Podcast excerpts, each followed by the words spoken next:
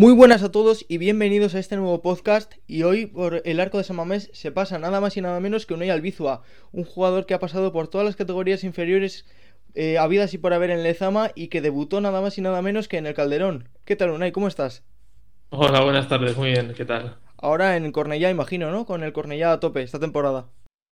Sí, sí, una, una experiencia más a, sumar en, mi currículum eh, y bueno, contento, contento. La verdad que, muy contento. ¿Cómo os va la temporada? ¿Bien? ¿Estáis satisfechos? ¿Vais a por más? Bueno, es una categoría nueva y, se ve que, este año hay muchísimo, muchísimo nivel, de equipos con unos presupuestos tremendos. Nosotros, bueno, pues desde esa humildad, de intentar en principio salvar la categoría cuanto antes. Estamos ahí un poco en el, en el límite, pero creo que estamos también en un sitio donde, pues por presupuesto y por entidad nos corresponde y nada, vamos a seguir peleando yo creo que hasta el final y, ya te digo, como es una categoría que, es nueva, que, no se sabe un poco, no, tenemos precedentes, eh, lo más parecido es la segunda B, pero yo le veo bastante diferencia. Entonces, bueno, es, difícil predecir algo y, saber dónde, pues, cuáles van a ser los puntos para salvarse y, y todo eso. Entonces, bueno, yo creo que hasta el final eh, no, se va, no se va a decir nada, ni por arriba y creo que por abajo menos. Si te parece, vamos a empezar hablando, eh, vamos a empezar este podcast hablando de tu andadura por Lezama, ¿no? Porque si no tengo, no, si no he entendido mal, tú entras en Lezama en el año 2013, categoría cadete. Sí, eso es. En categoría cadete, cadete B, entré. Eh, el año anterior estuve bastante tiempo haciendo pruebas y bueno, acabé la temporada entrenando con el infantil y bueno, ese verano el, el Athletic decide que, quiere incorporarme y, me incorporo. Sí, ¿Qué es lo que piensas cuando ves que el Athletic te quiere y que vas a formar parte del Ezama? ¿Qué piensas tú en ese momento? Bueno, la verdad es que yo llevaba haciendo pruebas muchísimo tiempo, desde, bueno, desde que empecé en, la Icastola a jugar al fútbol sala o en futbito en aquel entonces, eh, ya me llamaron para, hacer pruebas para bueno, esa preselección que hacen antes del, equipo Alevín, bueno, por lo menos antes era así. Eh, llegué prácticamente hasta la final de la preselección eh, y bueno, en la, prácticamente en las últimas cribas me descartan, luego Em, en Alevín de segundo año vuelvo a ir de prueba entrenando con el Alevina durante, no sé si fueron cuatro o cinco semanas, las últimas de la temporada. Eh, también me descartan eh, en el último momento. Y luego ya en Infantil A, bueno, eh, se hace una preselección de jugadores un poco como si fuese un equipo B, digamos, de jugadores que no están en el Athletic, pero que, están jugando a buen nivel. Y ahí ya sí que eh, llegó a la última preselección en la que quedamos como 5 o 6 jugadores de, un equipo que ha estado compitiendo de pruebas y, entreno con, con el infantil. Eh, por aquel entonces estaba eh, Chirri de, entrenador. Y bueno, ese verano el, o a final de temporada como te he dicho, eh, hablan con mis padres y deciden que, quieren incorporarme al, al, cadete al año siguiente. Al final, el que la sigue, la consigue. ¿Fue muy duro para ti ese cambio en cuanto a disciplina y a tener que, pues, en cierto modo también te están enseñando, pero te, están cortando un poco porque, claro, ahora es más disciplinas. Lunes, miércoles y viernes a entrenar a Lezama. No sé cuánto de viaje porque eres de Yodio, ¿no? Pues sí, imagino que sería pues media hora de viaje. El mayor cambio, sí, el mayor cambio es un poco como que se. A ver, no, sé, no es profesional, pero sí que te empiezan a, a preparar un poco para el mundo profesional. Y la disciplina es mayor, eh, hay muchísimo más rigor en los entrenamientos. A mí, lo que al principio sí que es verdad que me costaba era que al final te adaptas porque no eres el único, pero íbamos en un chiquibús, eh, unos cuantos de la zona y, y hombre, pues desde, desde yo imagínate hasta Lezama haciendo camino porque no es directo, recogiendo a gente en Basauri, recogiendo a gente en Arrigorriaga, recogiendo a gente en Ugao, pues al final sales de... Yo me acuerdo que salía de, de iba a casa rápido, me hacía la mochila, me bajaba, me cogía algo para merendar, me bajaba a la parada de bus, a las cinco y pico cogía el bus y hasta las 10 de la noche no llegaba a casa.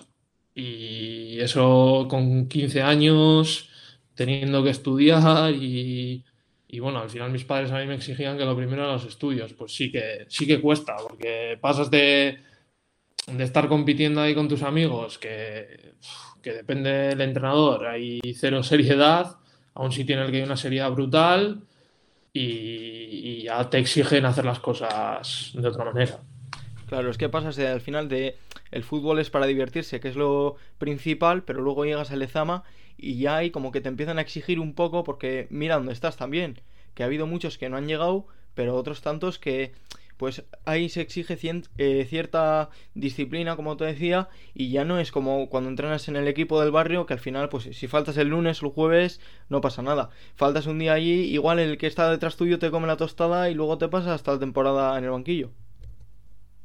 Sí, bueno, al final lo que cambia es el nivel de exigencia, sobre todo, porque cuando estás ahí jugando con los colegas, pues, pues eso, pues al final, imagínate con 14, 15 años, bueno, tú lo sabrás también, eh, muchas veces vas a entrenar y hay veces que menos un entrenamiento parece de todo, porque es un descojono, eh, balones por aquí, tiros por allí, ahora coge uno, se pone a chutar balones, lo tira a tomar por culo y quiera por ello. Eh, eso en Lezama evidentemente no lo puedes hacer, no te lo van a permitir. O sea, hay unas reglas, una disciplina, hay momentos distendidos, pero allí se va a trabajar, no se va a jugar con los colegas. ¿Coincidiste con alguno desde el primer año que luego llegó alto? Eh, sí, bueno, ¿y tú? ¿Y tu Raspe? Estaba en aquel equipo. Eh, a ver. Bueno, en diferentes categorías sí. Ese año, así que destacaran que luego han llegado al primer equipo. Aparte de Itu, ahora mismo no, no recuerdo a nadie que hayan llegado al primer equipo. Y tu Raspe no es poco, ¿eh? No, no, no es poco, la verdad. Pues eh, estás en, en esos años que al final estás en el Atleti y vas poco a poco y llega el año en el que das el salto al Vasconia, tú ahí te empiezas a creer que quizá esto del fútbol se te da bastante bien y que puedes empezar a vivir de ello o tienes los pies en el suelo y dices, ojo que esto está muy complicado. ¿Qué va? Yo cuando doy el salto al Vasconia ni me imaginaba que iba a vivir del fútbol, la verdad. O sea, yo sí te digo la verdad, cuando entré en Athletic me puse como un objetivo. Si llegaba al, Bilbao Athletic a jugar en segunda B, para mí ya era un triunfo brutal. Porque es verdad que, que, bueno, que dejas, eh, por jugar en Athletic en categorías inferiores, dejas de hacer cosas que un chaval quizá normal, pues sí que puede hacerlas. Entonces dices, bueno, esto que no sea en balde, ¿no? Y bueno, sabemos que llegar al primer equipo es complicadísimo. Y dije, bueno, pues si consigo llegar al Bilbao Athletic eh, y jugar en segunda B, ya para mí eso ya es un triunfo brutal. Y bueno, a medida que he ido subiendo, pues mi mentalidad no cambió. Y cuando llegué al Vasconia, mi mentalidad era la misma. O sea, pero yo no me pensaba que iba a vivir del fútbol eh, como he vivido hasta ahora. O sea, ni, ni entraba en mi cabeza eso, la verdad que pensabas que ibas a llegar al Bilbao Atleti y vaya si llegaste, porque has jugado en el Bilbao Atleti la tira de años, ¿eh? Sí, sí, he jugado bastante, he jugado bastante y bueno, eh, por circunstancias eh, he jugado bastante y creo que a, muy buen nivel, sobre todo el, el, último año. ¿Cuál es el mayor recuerdo que tienes de aquel Bilbao Atleti que casi consigue subir a segunda y se quedó ahí a las puertas? pues el recuerdo de, ese día de, quedarme a las puertas, porque, bueno, eh, me acuerdo que fue en Valencia, eh, un partido que creo que esa eliminatoria nos perjudicó mucho jugar la ida en, ese estado, eh, porque en, la anterior contra Levante B jugamos en San Mamés y era el último partido en San Mamés, lo, lo derribaban ya, entonces Mm, por lo visto, Lezama no cumplía las exigencias que tenía que cumplir un partido de ese tipo y, tuvimos que jugar en ese estado. Y en ese estado, evidentemente, bueno, pues el terreno no era como Lezama, no era nuestro campo siquiera. Y, bueno, no fue un mal resultado el que sacamos de allí, pero creo que habiendo jugado en Lezama, esa eliminatoria la, habríamos sacado. Y luego fuimos allí a Valencia, a un campo que era de los peores campos en los que he jugado yo.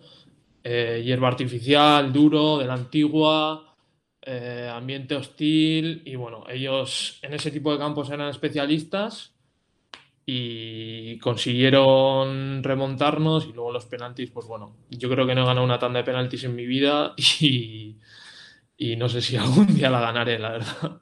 Seguro que la que llega será especial. Cosa rara lo del campo, ¿no? Porque se dijo también en su día del Bravo Athletic que no podía competir en Lezama cuando subió de categoría y ahora resulta que a la Morevieta sí que la dejan. Sí, lo que pasa es que yo creo que, como han acondicionado un poco el campo en Lezama, hace mucho tiempo que no estoy, pero bueno, eh, por lo que he visto en imágenes, eh, ahora mismo eh, está muchísimo mejor de, de, lo que estaba cuando yo, yo jugué, porque cuando yo jugué estaba simplemente tenía la grada principal y, no había más. ahora, si no me equivoco, tiene alguna grada supletoria y bueno, está bastante mejor. Entonces, quizás sea por eso, no lo sé, no tengo ni idea, la verdad llega la temporada 2013-2014 y ahí sí que te tienes que creer ya que eres futbolista profesional, ¿no? Ahí sí que sí. Sí, bueno, incluso un poquito antes, un poquito antes, los dos últimos años en el Bilbao Athletic ya me veo con opciones de, de poder vivir del fútbol bien, a nivel profesional. Porque bueno, ya me dedicaba al fútbol, eh, vivía de ello y veía que estaba un pasito y si no era el primer equipo, veía que fuera me podía, me podía ir bien. De hecho, el, último año del Bilbao Athletic ya sé que hubo un interés de un equipo de segunda división. Eh, bueno, me lo, me lo filtró alguien porque el club no, no, quería decírmelo y bueno, sin más, el club quería que estuviera allí y yo cuando me enteré también mi contestación fue que yo me quedaba en el Bilbao Athletic porque yo quería ascender pero ya con un interés de un equipo de segunda división ya empiezas a ver las cosas de otra manera. Y a partir de ahí sí que mi mentalidad cambia un poco. Creo que Cuco tuvo mucha parte de culpa en eso, porque me hizo sentir importante, me hizo sentir, eh, pues eso, que, que podía ser lo que al final he sido y, bueno, ese empujoncito también me ayudó a cambiar de mentalidad y a pensar que, sí que podía ser posible. ¿Cómo es Cuco Ciganda como entrenador? Porque en el Blue Athletic he oído a unos cuantos que hablan maravillas de él, pero luego cuando dio el salto al primer equipo, desgraciadamente, pues no tuvimos una temporada demasiado buena y duró solo un año. ¿Cómo es Cuco como entrenador? A ver, lo primero decirte que, que es buenísimo entrenador y lo ha demostrado en todos los sitios. Lo que pasa es que, bueno, no todos los contextos son los mismos, no siempre el contexto es favorable y un mal entrenador en un contexto favorable puede parecer bueno y un muy buen entrenador como Cuco en un contexto pues que no es favorable como pues quizá lo tuvo en, el primer equipo o cuando estuvo en el Jerez o no sé, eh, situaciones así pues te puedo hacer pensar que, que no, pero Cuco es un grandísimo entrenador, no hay más que ver el tiempo que lleva en el Oviedo. El Oviedo es un sitio de exigencia máxima, o sea, a nivel de, los mejores equipos de primera división, el nivel de exigencia es máxima y lleva un montón de tiempo ahí. Por lo tanto, no creo que haya muchos entrenadores que lleven tanto tiempo entrenando en, en segunda división tan seguido y, en el Oviedo yo creo que, menos. O sea, muy bien te tienen que ir las cosas en el Oviedo para, para que estés tanto tiempo. Yo creo que, eso habla, habla muy bien de él. Ese último año antes de dar el salto, ¿te ves con opciones reales de decir, el año que viene me voy a sentar aquí a ver si este tiene pinta de que por fin doy el salto y paso al primer equipo? ¿O tuviste la mentalidad en el Road Athletic en que quizá te tocaba estar otro año más en el filial y luego ya se vería?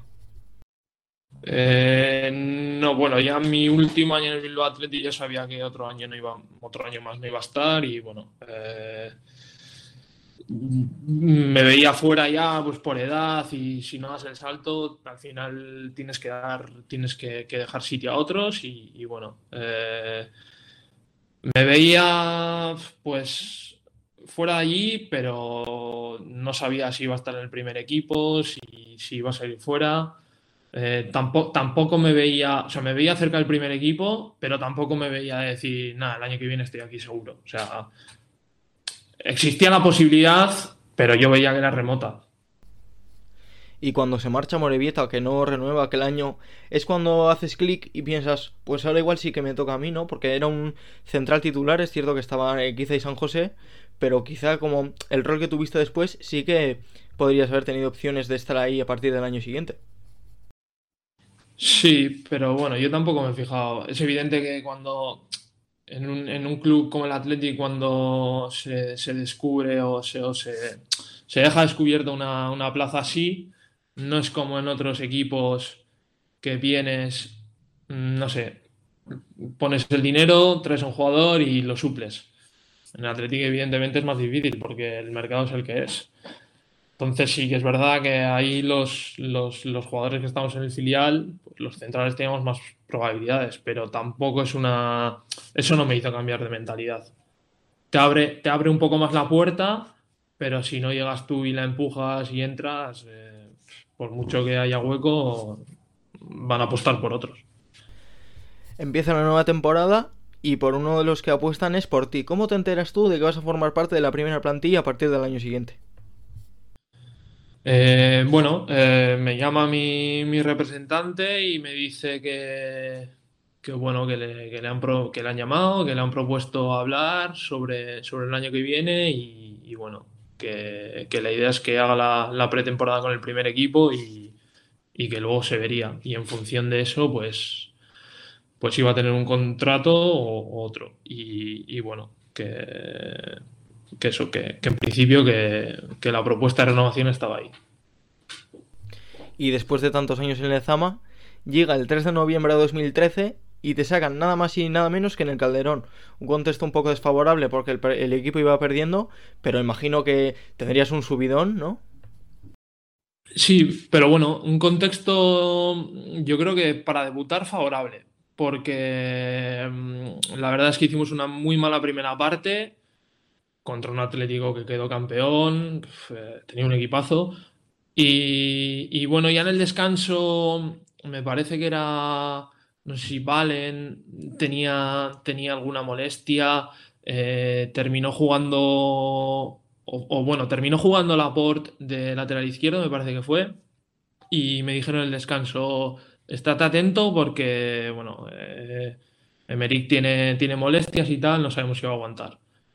Y bueno, al final pasó eso, me tuvo que sacar y, la verdad es que Valverde me dijo, mira, sal ahí y da un par de hostias y ya está, no te preocupes por nada más.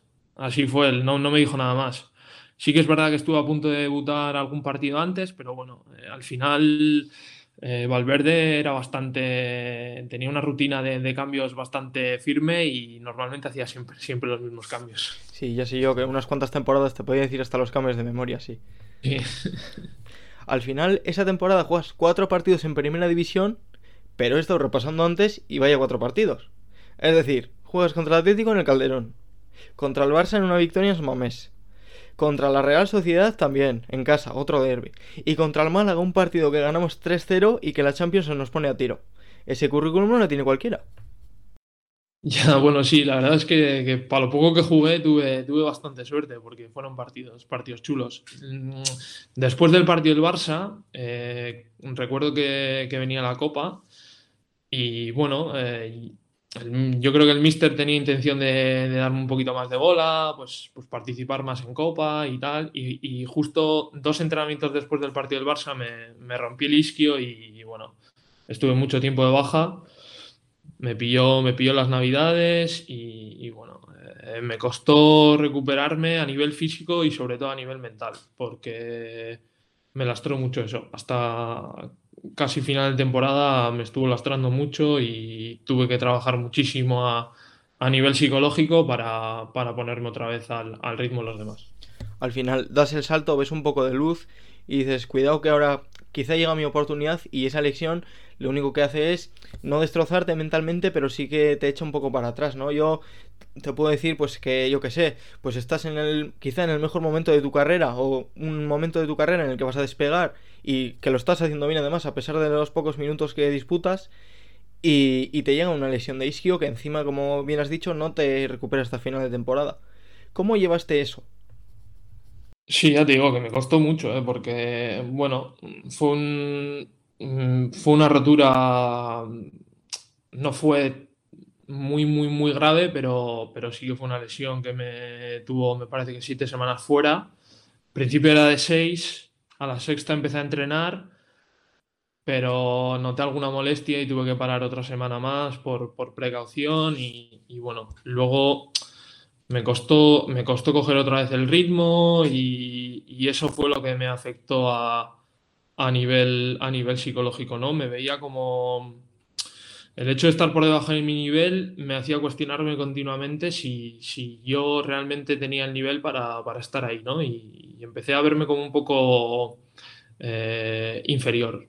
Entonces, hasta que no recuperé esa mentalidad y me empecé a ver mejor, eh, no tuve que trabajar mucho y, me costó. Y luego, bueno, una vez eh, volví a recuperar el nivel, pues, pues otra vez empezó a contar conmigo, iba convocado, es verdad que no jugaba, pero yo prácticamente iba a todos los partidos convocado. ¿Te sentiste arropado por el vestuario aquellos tiempos?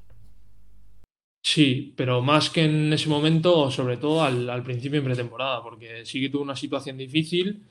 Eh, Ernesto me, propuso salir cedido y bueno, hubo un tema ahí entre clubes que, no se ponían de acuerdo, me pilló a mí en medio y, bueno, sí que hubo gente del, vestuario que más veterana, que, sí que me apoyó, que me echó una mano y bueno, al final se dio la situación que, que se pensó que lo mejor era que me quedara, que no saliera y, y, bueno, en ese sentido sí que, sí que yo noté el apoyo de la gente, sobre todo de los más veteranos es lo que tiene el Athletic, ¿no? Que al final estás en un equipo, pues que, claro, cada uno mira por lo suyo también a veces, porque estás compitiendo y prefieres jugar tú o que juegue el que está sentado en el banquillo, pero el Athletic en ese aspecto quizás es diferente al resto por el tema de la familia que se dice, ¿no?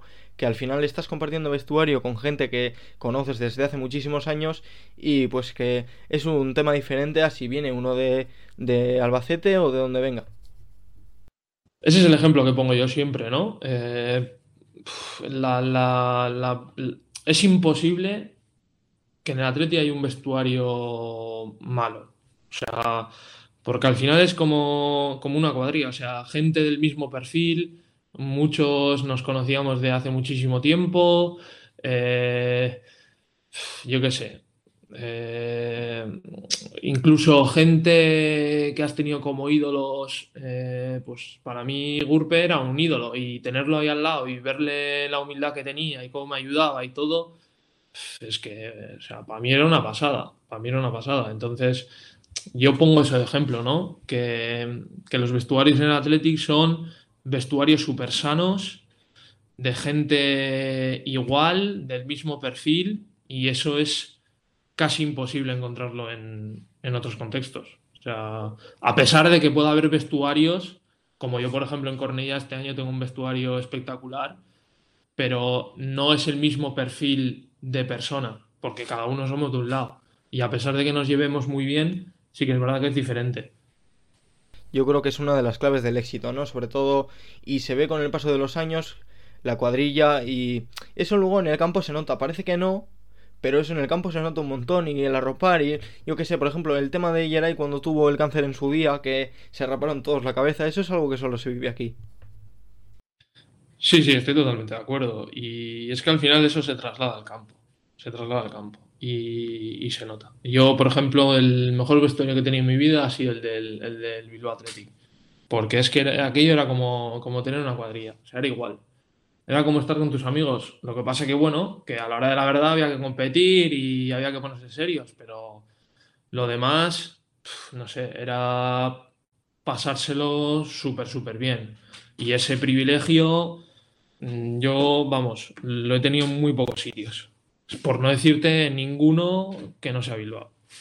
Eso te lleva a disfrutar del fútbol si ya te gusta de por sí, que haya buen ambiente y sea todo como una cuadrilla, te lleva a disfrutar del fútbol en otros niveles. Sí, al final eh, muchos lo vemos como un trabajo, ¿no? Pero, pero es que no deja de ser para mí el mejor trabajo del mundo, porque haces lo que te gusta, te pagan muy bien, trabajas, realmente trabajas poco, sí que es verdad que luego te tienes que cuidar. Bueno, es muy sacrificado también, ¿eh? Trabajas poco, pero sobre todo de comer y todo esto...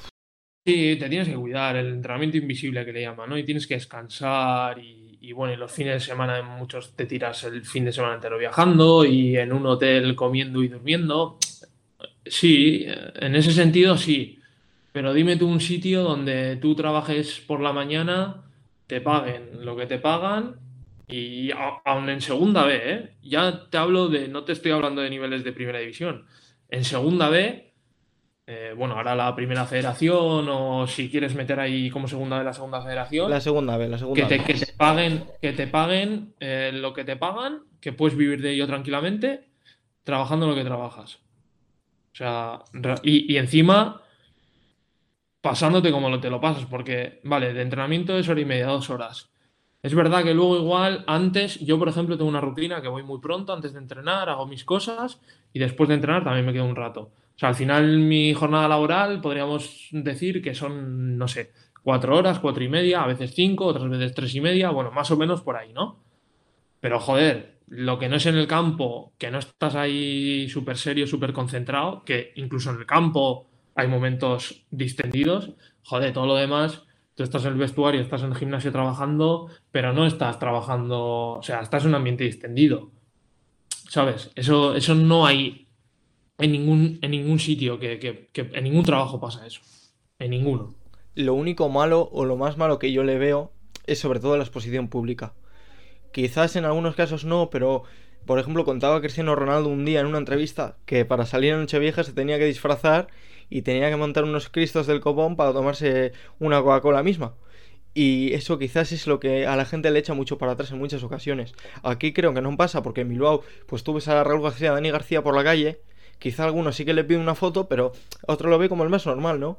Leí un día que, y creo que tenía toda la razón del mundo, que al final todo el mundo conoce a alguien del Atleti, por unas cosas o por otras, y se toma como algo normal, que creo que eso lo pasa aquí, y en otros sitios no suele pasar, por lo menos en el alto nivel. Bueno, también es que en otros sitios quizá tienen una aura de superestrellas que aquí no, no, no la tienen, ¿sabes? Yo qué sé, es que no sé. Tú puedes ir a comer con cualquiera del primer equipo y, yo qué sé, es que es como estar con una persona normal, son personas normales, ¿sabes? Y creo que dentro de, de que seamos eh, muchas veces eh, fanáticos, que yo también me incluyo, eh, lo, normalizamos un poco más, ¿sabes? No es como en otros sitios que también hacemos cosas para normalizarlo, porque yo recuerdo que cuando salíamos con el coche del parking y había gente fuera, nosotros parábamos, lo primero, por una obligación moral y lo segundo, por una obligación del, club. Y tú ves en la tele cuando paran jugadores de equipos eh, tipo Real Madrid y tal, a veces ni paran, ¿sabes? Eso está súper mal visto en Bilbao y al final lo que haces es eh, normalizar un poco la situación y que cuando te lo encuentres por la calle, pues te llame un poco la atención, quizá le pidas una foto, pero poco más, ¿sabes? O sea, que también es normal.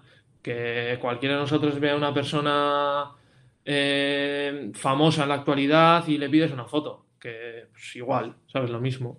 Y entonces, bueno, luego también un poco a cada jugador de fútbol se expone de una manera o de otra. Eh, Cristiano se expone muchísimo también. Y, luego, aparte, que es uno de los mejores jugadores de la historia, pues, pues también es normal. Yo creo que al final, en ese caso, pues la gente está súper agradecida con los jugadores que pasan por el Atleti porque es una humildad que no se ve en ningún otro sitio. Tú ves, por ejemplo, ahora está muchísimo de moda que salgan los jugadores del Barça a entrenar y se les pongan a grabar y encima del coche y no sé qué. Y al final, eso lo único que, lo único que beneficia es que se cree una atmósfera que va a ser, es imposible. Tanto el jugador que salga y esté amable, como los aficionados. Ahí tienen culpa las dos partes. Y es algo que aquí no pasa. Se toma como algo normal y, hombre, sí que es cierto pues que te hace, ilusión ver a, a, Duriz por la calle, por decirte, ¿no? Pero tampoco, yo qué sé, le graba sin permiso o ninguna cosa de estas. O... Sí, bueno, es que al final si tú a una persona le grabas sin permiso, pues también a mí me parece una falta de educación, ¿no? Y no te cuesta nada decirle, oye, Adu, te echas una foto conmigo ya está. Si le van 50 personas, pues dirá, pues no, pero lo normal no es eso. Lo normal es que le vaya una, dos, tres personas como mucho. Pues claro que se va a sacar una foto. A mí, yo cuando estaba en el primer equipo y en el pueblo, gente que me conocía de toda la vida me pedía fotos, yo me sacaba una foto. Ya está, no pasa nada, ¿sabes? No que no pasa nada. Si es que además mm, muchas veces vivimos, los futbolistas vivimos una burbuja que pensamos que, no sé, que podemos hacer un poco lo que queramos y no nos damos cuenta que vivimos de esa gente. O sea, si esa gente no pagara por vernos, por ejemplo, no fuese tan aficionada al fútbol, el fútbol sería como cualquier otro deporte. Eh, minoritario, por decirlo de alguna manera. Y, el hecho de que haya tanta gente detrás de nosotros eh, implica que el fútbol sea lo que es hoy en día. Con sus pros y sus contras, evidentemente, con sus cosas buenas y malas, pero es que que ya haya ganado tanto dinero eh, viene en gran medida porque, porque muchísima gente apoya el fútbol de esta manera. Y también hay que devolverle un poco eso a, la gente, ¿no? Cuando, cuando, cuando hace falta y cuando te lo piden. Que no cuesta nada, además, es que no cuesta nada. Me parece una reflexión buenísima y ojo que no muchos la hacen, desgraciadamente. Siguiendo un poco con tu carrera, ¿te comunica el Atleti o resolvéis por ambas partes que no vas a renovar tu contrato cuando acaba la temporada 2013-2014? ¿Cómo es salir de casa después de tantísimos años? Eh, bueno, yo la primera vez que salgo de casa salgo cedido.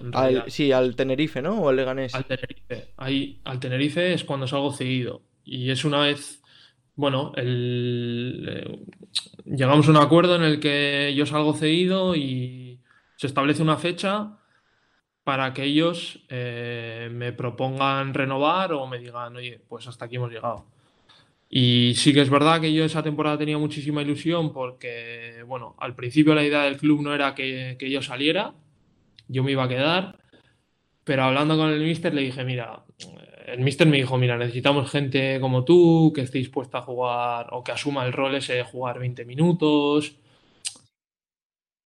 eh, y, claro, eh, eh, si a mí me dice Ernesto, o me dice no, porque tampoco me puedo prometer nada, pero si a mí en un papel me ponen ese día, tú vas a jugar todos los días en primera división 15-20 minutos, yo te lo firmo. Eso para mí era un regalo tremendo, pero yo sabía que eso no era verdad, que yo no iba a jugar 20 minutos todos los días, como él me decía, era imposible.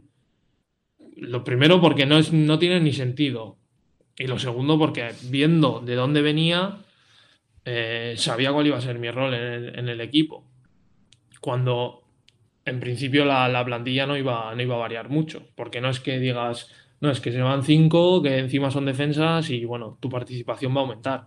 Yo veía que mi situación iba a ser la misma, la de jugar 5 o 10 partidos como mucho y en cada partido el día que más 15 minutos. Y yo eh, la sensación que tuve ese año fue que era un aficionado dentro del, equipo, con la suerte de estar dentro del equipo, pero en muchos momentos no me, no me, no me, no me sentía partícipe de los éxitos del equipo. Entonces, mm, por esa parte decidí que, prefería salir, demostrar que, que merecía estar en el Athletic eh, y, que, que, merecía volver. Y, bueno, eh, él me dijo que, le habían llamado un equipo y tal. Eh, y bueno, después eh, en unos días se arregló muy rápido porque cuando yo hablo con Amoror, tú también y mi repre, eh, y, decidimos que, vamos a salir, en, en, dos, tres días me parece que fue, salió, salió del Tenerife, se arregló muy rápido y, y me fui para allí. Fue duro, muy duro, sobre todo al principio, durísimo, durísimo. Y hasta que no me. Hasta que no me adapté del todo, y, bueno, eh, vino Iker Guarrochena, que, que es como mi hermano, la verdad, es como mi hermano pequeño. Otro que ha pasado más tiempo en Lezama. Sí, eh, probablemente más que yo. Y, y, nada, hasta que no vino él y bueno, empecé a, bueno, pues empezamos a competir y a pasar tiempo juntos y tal, para mí fue muy duro porque, bueno, sales de la bruja de Zama, te metes en otro sitio totalmente diferente y, fue, ya te digo que fue muy duro. Luego durante el año, estuvo bien y, al final el Atleti pues eh, entiende que, que, no, que, no, que no merezco estar allí y, me deja libre. Y ya firmo por el, por el Leganés ese verano.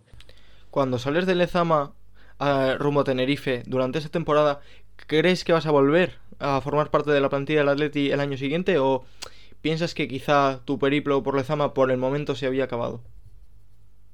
Eh, no, yo estoy convencido de que voy a volver. De hecho, eh, la decisión de salir es mía. O sea, yo me podía haber quedado y, la propuesta del Atleti era si yo me quedaba que, me renovaban otro año. O sea, yo, me, yo pierdo un año de contrato por querer demostrar que soy válido para volver y ser importante.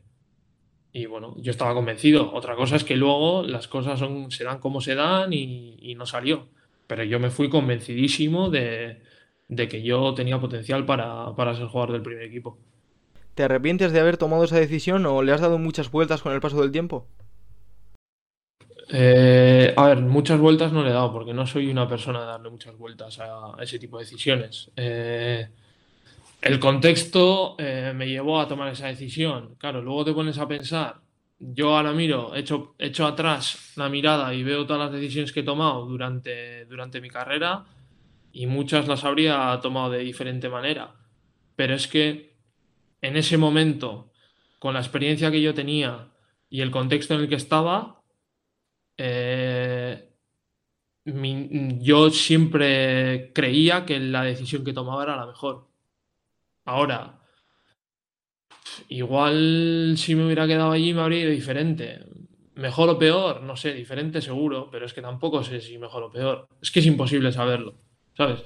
Quizá no hubieses aprendido las cosas que sabes ahora. Eh, probablemente.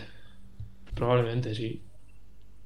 El Atlético te deja libre, pasas por varios equipos de divisiones diferentes y me interesa sobre todo hablar porque me parece curioso tu experiencia en Suiza, en el Lausanne si no me equivoco, ¿no? ¿Cómo es el fútbol suizo? Sí, fui, bueno, en Lausana hay, hay dos equipos. Eh, uno que está este año en primera, que bueno, está, este está mal, va, va, a descender. Y en el que estuve yo, que es el, el está Lausanne eh, es un equipo pequeñito, humilde, eh, pero muy, muy familiar. Y bueno, esa, esa, esa opción me sale porque después del año de, la pandemia que, se, que, se, detiene el fútbol no profesional, entre comillas, eh, la situación en España era muy complicada eh, y bueno, eh, creía que era un, momento ya, porque sí que es verdad que había tenido ofertas del extranjero otros años, pero siempre las había rechazado, lo que te digo, por, por el contexto y la situación que tenía personal en ese momento. Y bueno, ese año sí que vi que, era una opción factible buscar eh, cosas en extranjero. Eh, y bueno, me, salió eso, me marché. Y el fútbol suizo, la verdad es que es un fútbol muy, muy atractivo. La gente no lo conoce. Se piensa que es un nivel muy bajo. Claro, es que aquí se conoce el Basilea porque juega la Champions o competiciones europeas de vez en cuando y poco más. Eh, sí, ahora mismo, bueno, ahora mismo el club más grande ahí es el Young Boys, aunque este año no, no está, no está bien, pero, pero sí, ahora, mismo en teoría el, Young Boys es el más fuerte. Y bueno, de hecho este año juego Champions. Y, y el fútbol, yo te voy a hablar más de, la segunda división porque la conozco más, que es donde jugué. Es un fútbol muy atractivo, es un fútbol en el que el rigor táctico escasea un poco, pero hay jugadores jóvenes muy talentosos y con mucha creatividad y, bueno, a nivel ofensivo son buenos jugadores. Eh, de hecho, no hay más que ver si tú miras la, selección absoluta de Suiza. Eh, los jugadores que hay son buenos y están jugando ahora mismo todos fuera de Suiza porque los que es verdad que los jugadores suizos que progresan salen a otras ligas más fuertes. Pero es un fútbol que ya te digo, que en segunda división hay gente muy talentosa, joven, que luego da el salto a, primera división suiza o, muchos dan el salto a Alemania o, bueno, ligas así más fuertes. ¿Y de adaptación qué tal? ¿Cómo es cambiar el bacalao del pil pil por el chocolate? Bueno, tampoco soy muy chocolatero, ¿eh? A mí lo que me gusta más es el queso y, bueno, ese, cambio la verdad que fue bueno que fue bueno. Allí la, variedad de quesos es, brutal. Eh, a nivel cultural, bueno, eh, yo vivía, bueno, yo vivía en Francia, pero simplemente porque bueno, era, era más cómodo vivir en Francia y cruzaba la frontera todos los días. Y bueno, la forma de ser de, los suizos eh, es un poco... Eh, no, es que sean cerrados, en realidad. Eh, es gente abierta. Pero ellos no son los que dan el primer paso. Tienes que abrirte tú primero. Y una vez tú te abres, ya ellos se abren. De primeras les cuesta más. Entonces, eh, en ese sentido, al principio me, chocaba un poco como yo llegaba de fuera, de otro país, no había jugado nunca en el extranjero y había cosas que, me, que, joder, que en vez de ponerme a alguien o que desde el club me echara una mano, tenía que dar yo el primer paso y había cosas que yo no sabía que tenía que hacer. Entonces, eh, eso, eso me chocaba un poco. Y luego bueno, en el sentido de ser serios en el trabajo y hacer las cosas bien, por supuesto. Eh, y luego a nivel más de ocio y eso, bueno, pues sí que es verdad que también coincidió con, con el tema del COVID y todo eso, pero por ejemplo no se hizo ni una comida ni una cena de equipo. Aquí se hace, en, cuanto se puede hacer una, se hace. Eh, aunque sea a principio de temporada para conocerla a la gente y tal. Y, si no, yo qué sé, con los que te llevas bien del equipo, muchas veces te vas después de entrenar a comer a algún lado, organizas algo, allí no se hizo absolutamente nada de eso. Y, bueno, acaba el entrenamiento, cada uno para su casa y hasta el día siguiente. Y a nivel de país, pues un poco lo mismo. Em, en días muy puntuales la gente sale a tomar, pues yo que sé, una cerveza o lo que sea, y luego cuando, cuando hace bueno, cuando hace sol, todo el mundo para el lago y todo el mundo está en el lago, o sea, no hay mucho más. Pues para ir acabando, si te parece bien, te voy a ir haciendo tres preguntas cortitas. La primera, ¿cuál es el jugador con cuál es el jugador con el que has compartido vestuario que has visto que más talento tenía?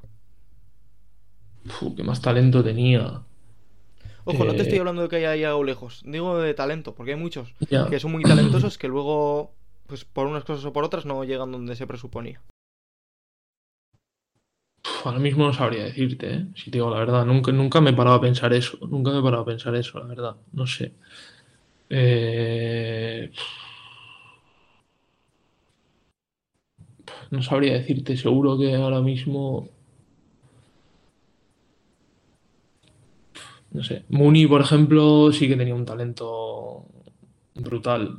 Quizá, bueno, se espera un poquito más de él, pero es que hay que pensar que ha tenido dos roturas de cruzado de por medio, ¿sabes? Entonces eso, pues, es como, como Galarreta el otro día, la tercera. Pobre hombre, encima que para una vez que de verdad está en un buen momento, está en primera, se está sentando y lo está haciendo bien, pues le viene otra vez las malditas lesiones y vuelve a frenarse en seco yo, siempre he pensado, yo siempre he tenido debilidad por Iñi porque aparte que me cae genial y es una persona, es que es espectacular, súper buena gente, a veces está demasiado bueno, eh, también tenía un talento brutal y yo siempre le he visto en el primer equipo. Y pues por circunstancias nunca se ha dado, pero yo estaba convencido de que algún día el Atleti iba a pagar por él y iba a volver. Pero es que es que es muy mala suerte, o sea, es que es el tercer cruzado ya. Yo me he roto el cruzado una vez y es una puta de la hostia, es que no quiero ni imaginar lo que tiene que ser tres veces, cuando además siempre la pillado en momentos. La primera vez le pilló en un momento que estaba primer equipo filial. La segunda vez cuando estaba en el Mirandés que estaba saliendo. Y ahora cuando está en primera ya sentado que estaba a un nivel muy muy bueno, estando donde se merecía estar hace tiempo y que por circunstancias no estaba y ahora es como otra vez no sé, a mí me da mucha pena porque es mi amigo y, no sé. Cuando lo vi me puse muy triste, la verdad. Desde aquí le mandamos un abrazo a Íñigo, que no se merece por todo lo que está pasando y que ojalá recupere el nivel que tiene de sobra. Ya lo vimos con Marcelo en su día y en Lezama y ojalá pues vuelva lo más fuerte posible y, lo de todo en el campo. Por supuesto. ¿Sueles ver los partidos del Atleti? Eh, sí, no todos, pero, pero sí los suelo ver. Mm, hay muchas veces que coinciden con los míos y, no puedo verlos, pero, pero sí que sí que intento verlos, sí. Y para acabar, una meta que te propongas de aquí hasta el día que acabe tu carrera. ¿Cómo quieres cerrar tu carrera? Siendo realistas, obviamente. Eh, la verdad es que quiero cerrar mi carrera eh, jugando en un lugar donde esté contento y que no me retire porque, porque ya no pueda más, sino estando, estando en donde esté, me da igual, en la categoría en la que esté, pero dentro de esa categoría jugando a un buen nivel y no estando en plan, no sé, pues sintiéndome que ya no puedo más o algo así, sino que esté en un buen momento y que por lo que sea, pues decida retirarme, pues, pues porque ahí no solo es eh, el momento físico en el que te encuentres, sino, bueno, pues a, a veces sean situaciones personales que, que, te empujan a que, a que te, bueno, empieces otra vida y hagas otras cosas. Ojalá que todo vaya bien. Mías Unai, ha sido para mí un placer hablar contigo y, y, espero que este año acabéis con el Cornellá a tope y que en los próximos que te vengan, pues vayas ahí con todo. Muchísimas gracias, para mí también ha sido un placer y bueno, a ver si, Sí, acabamos el año bien y sufriendo lo menos posible y, y ya está. Y esto es... Bueno, una y un placer. Un placer, igualmente. Agur. ¡Bacalao, bacalao, bacalao, bacalao, bacalao, bacalao, bacalao!